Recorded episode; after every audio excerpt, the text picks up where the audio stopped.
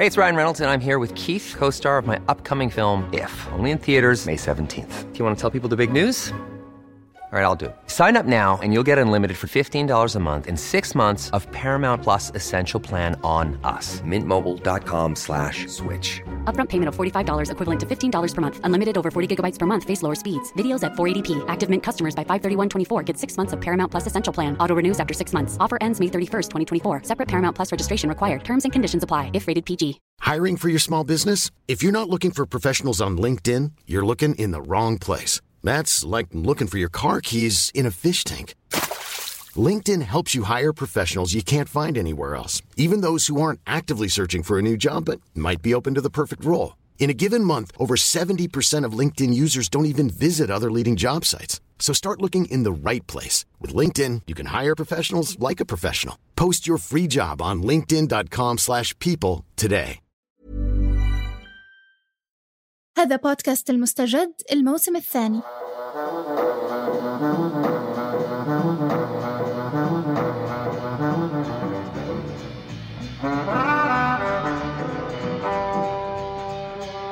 في هاي الحلقة من المستجد رح نكون معاكم محمود الخواجة ولما رباح. ورح نتعرف مثل كل حلقة من هالموسم على موضوع جديد نقرأ خبر مهم شفناه في الإعلام ونفهم التفاصيل.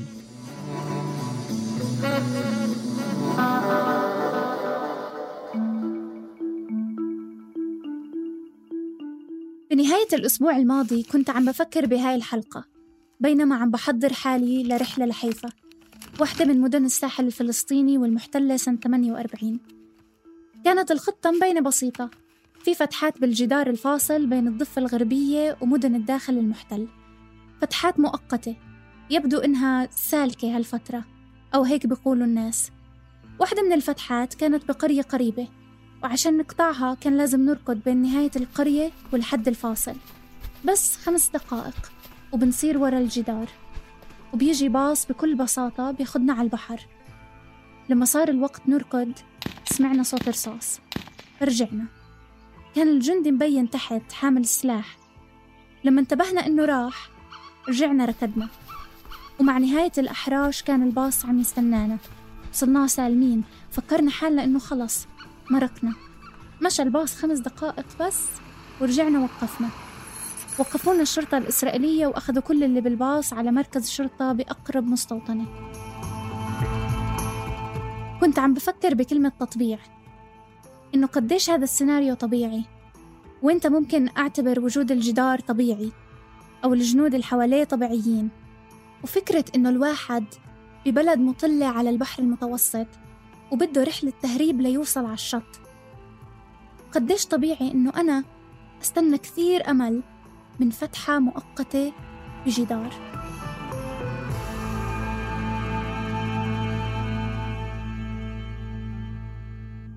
حلقتنا اليوم عن التطبيع العربي مع إسرائيل الممر اللي قررت بعض الأنظمة العربية تسلكه وعلقت عليه أمال.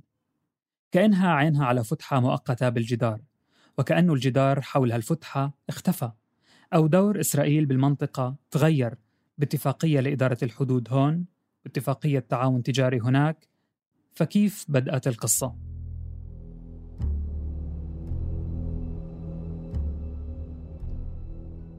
عشر نوفمبر تشرين الثاني سنة 77 واحد من أهم التواريخ اللي مرت على المنطقة العربية إن لم يكن الأهم هبطت يومها طائرة في مطار بن غوريون مطار اللد قبل ما يتسمى على اسم ديفيد بن غوريون أول رئيس وزراء إسرائيلي على متن الطائرة كان الرئيس المصري أنور السادات. استقباله كان حافل على وقع الموسيقى اللي بتعزفها فرقة عسكرية إسرائيلية وكان يستعد لأداء خطاب في الكنيست أو البرلمان الإسرائيلي. هاي الزيارة بعد سنة واحدة بس ظهرت نتائجها بوضوح. 17 سبتمبر أيلول 1978 بيوقع السادات ومناحم بيغن رئيس الوزراء الإسرائيلي على اتفاقية كامب ديفيد معاهدة السلام بين مصر وإسرائيل Next, President Sadat and Prime Minister Begin will sign a letter to President Carter recording agreement between Egypt and Israel concerning future negotiations implementing the Camp David frameworks. وهذا أول تطبيع عربي رسمي مع الاحتلال رح يفتح الباب لعالم جديد تماما غير اللي بنعرفه.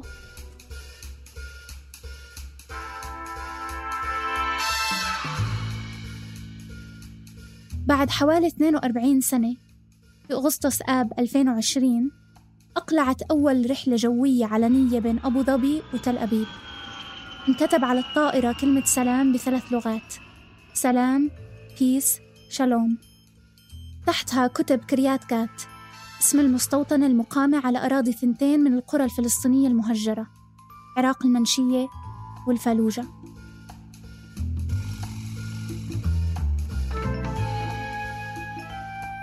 بين الرحلتين بها 42 سنة تغيرت كثير أشياء كيف بتصير المعاهدات؟ وشو ردود الفعل عليها؟ رح نبدأ من الآخر الإمارات العربية المتحدة في 13 آب 2020 أعلن ولي عهد إمارة أبو ظبي محمد بن زايد عن اتفاق أمريكي إسرائيلي إماراتي. والاتفاق حسب وصفه هدفه تطبيع العلاقات بشكل رسمي مع الاحتلال في مقابل أن رئيس الوزراء الإسرائيلي بنيامين نتنياهو يوقف ضم أراضي الضفة الغربية. هذا كان حسب البيان الصادر. لكن نتنياهو رجع بعدها وكان حكيه مختلف شوي. قال إنه الضم ملوش علاقة بالاتفاق. وإنه التعبير الدقيق هون هو تجميد عمليات ضم الأراضي يعني تأجيل مصادرتها. وبغض النظر هو وقف كامل ولا تأجيل ولا كيف شكل الاستيطان فعليا على الأرض الإمارات صورت الموضوع على إنه مكسب للقضية الفلسطينية.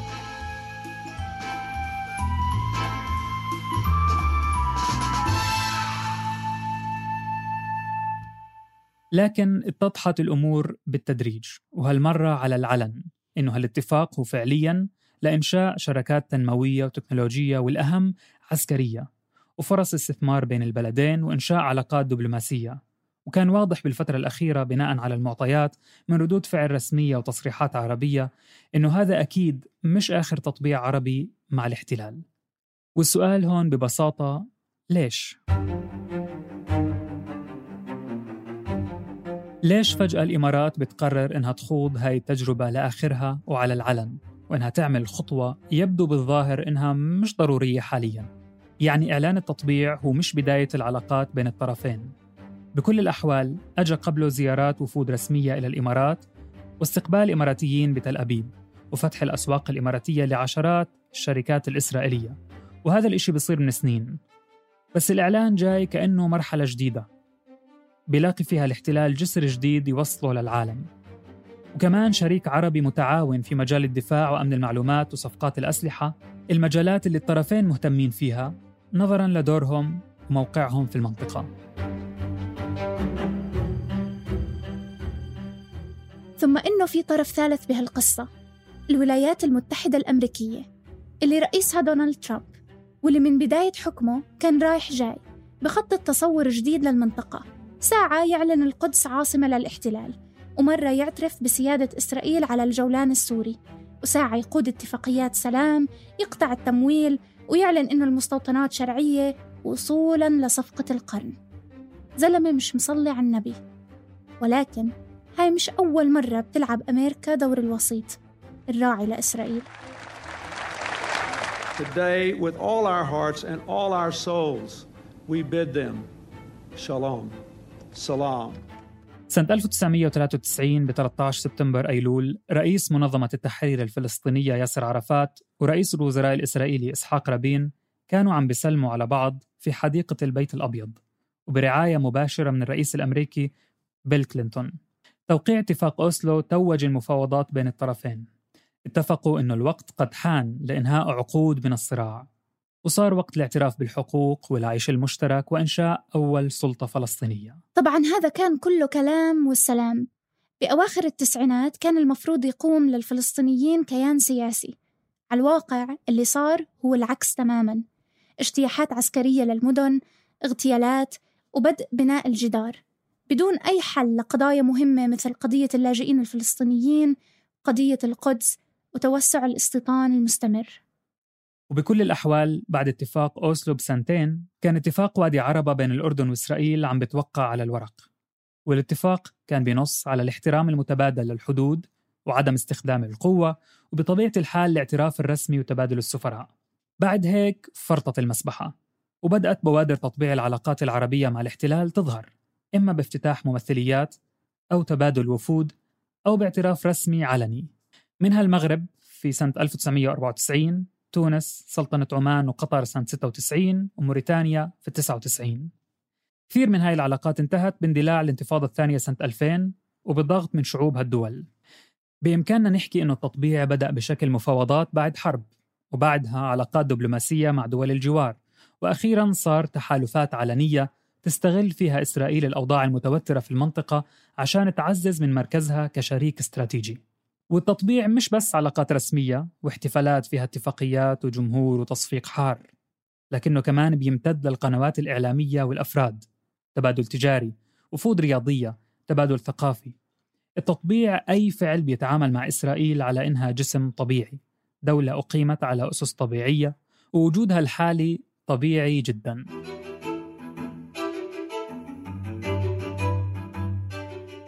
طيب خلينا نلم الموضوع. فهمنا إنه في مصالح جديدة اقتصادية وسياسية خلت هاللحظة ممكنة وعم تجهزنا للحظات مشابهة مع دول أخرى قريبا. بس الإشي الأبرز اللي تغير من السبعينات لليوم هي ردود الفعل.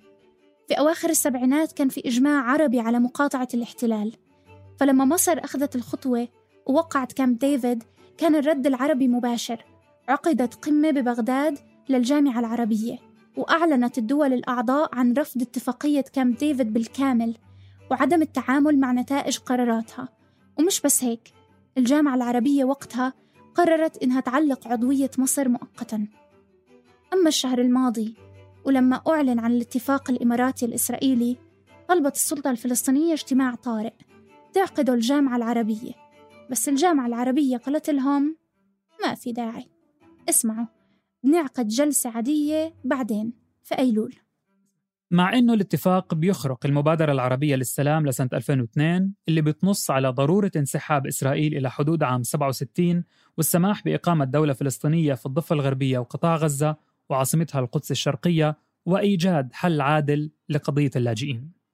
بينما الاتفاق الإماراتي لم يذكر ولا إشي حول الانسحاب إلى حدود 67 الأهم هالمرة في ناس أعلنوا تأييدهم الواضح للاتفاق وكانوا بينقسموا لتيارين الأول بيلف وبدور حوالين فكرة أساسية شو رأيكم نترك الماضي ونتجاوزه؟ حصل خير يعني ليش لازم نتحمل عبء بلد تاني؟ والله يا دي قضيتنا إحنا ولا قضيتهم؟ والله قضيتهم إحنا مالنا الله كل واحد يشوف مصلحته يا أخوي لا لا هذا حوار موجود وبشدة وعلى الناحية الثانية في ناس بتقول إنه قرار الاتفاق أصلا جاي عشان يحافظ على مصالح الفلسطينيين ويسرع وصولهم إلى حل. والشرح هون يطول عن شو شكل هالحل ومين منتفع منه وكيف راح يعيش معه الفلسطينيين. ومن هالأصوات محمد بن زايد نفسه اللي بعد إعلان الاتفاق نشر فيديو موجه للجالية الفلسطينية في الإمارات بيقول لهم أنه دولة الإمارات ستستمر في دعم القضية الفلسطينية. موقف الإمارات ثابت وراسخ في دعمه للموقف العربي الداعي لقيام دولة فلسطينية مستقلة عاصمتها القدس الشرقية. وسنستمر في دعم القضية الفلسطينية على خطى الدعم التاريخي الذي قدمته الإمارات. المهم إنه هالمرة مختلفة عن كل مرة عن أي موجة سابقة. فيها عوامل جديدة تحالفات وصراعات بالخليج نفسه ومع إيران وأقطاب العالم اللي اختلفت عن السبعينات. والإمارات بالتحديد حالة خاصة لأنه تطبيع العلاقات كان بالأساس متعلق بالأسلحة. الصادرات الإسرائيلية من الأسلحة وتكنولوجيا أمن المعلومات للإمارات بتوصل لأكثر من مليون دولار سنوياً. هذا قبل العلاقات الرسمية. وبغض النظر في علاقات رسمية أو لا هل هذا بيعني أنه الشعوب العربية مستعدة للتطبيع؟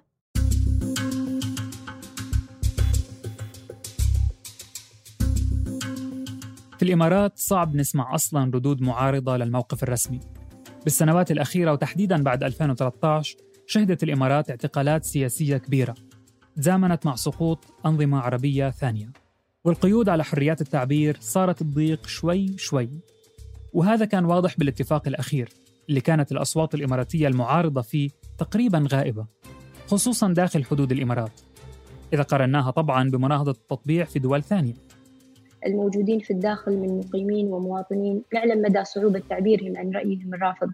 لكن ندعو ألا تتحول صعوبة التعبير هذه كما أشرت إلى صعوبة في التفكير. ستكون هناك العديد من الأسئلة المضللة والمعلومات الخاطئة التي تسعى الأنظمة والأطراف المختلفة لترويجها عبر أشخاص يعدون نخب للأسف. لكن لنتذكر أننا نملك المنطق نملك آلية التفكير مثلنا مثلهم وهي فضيلتنا البشرية الأولى.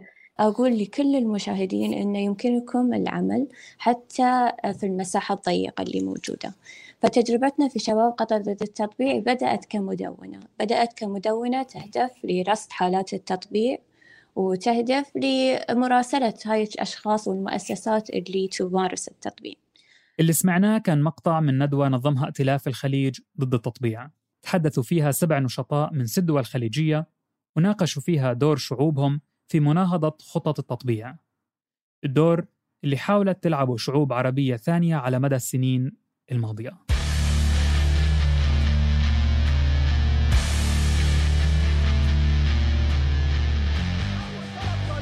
الحكومة إن هي تطرد السفير الإسرائيلي عن مصر لازم نرجع نرجع دم المصريين اللي ماتوا امبارح على الحدود. إحنا دمنا مش رخيص. وسفارة الكيان الصهيوني على أرض الأردن ورفض العلاقات ما بين الأردن الرسمي والكيان الصهيوني.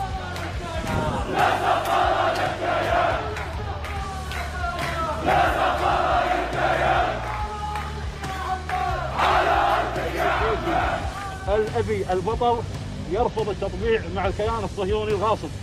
لن نقبل بهذا التطبيع ولن نقبل بتمرير صفقة القرن. وهي ليست صفقة القرن هي صفعة القرن. على أن الشعب المغربي بالرغم من محاولات التطبيع ومحاولات فرض تطبيع الشعب المغربي مع الكيان الصهيوني المغتصب نقول نحن كشعب مغربي سنبقى إن شاء الله دائما على العهد دائما نتضامن مع إخواننا في فلسطين.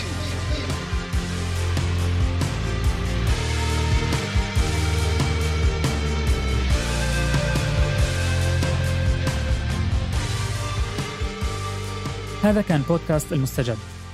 كنت معاكم في التقديم والبحث محمود الخواجة ولما رباح في التقديم والتحرير أحمد جمال في الكتابة وتيسير قباني في الإخراج الصوتي. ما تنسوا تشتركوا في قناة بودكاست المستجد على منصة البودكاست اللي بتفضلوها عشان تتابعوا حلقاتنا الجاي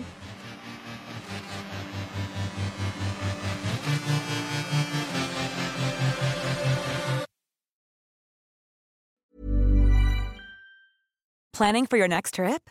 Elevate your travel style with Quince. Quince has all the jet setting essentials you'll want for your next getaway, like European linen, premium luggage options, buttery soft Italian leather bags, and so much more. And is all priced at 50 to 80% less than similar brands.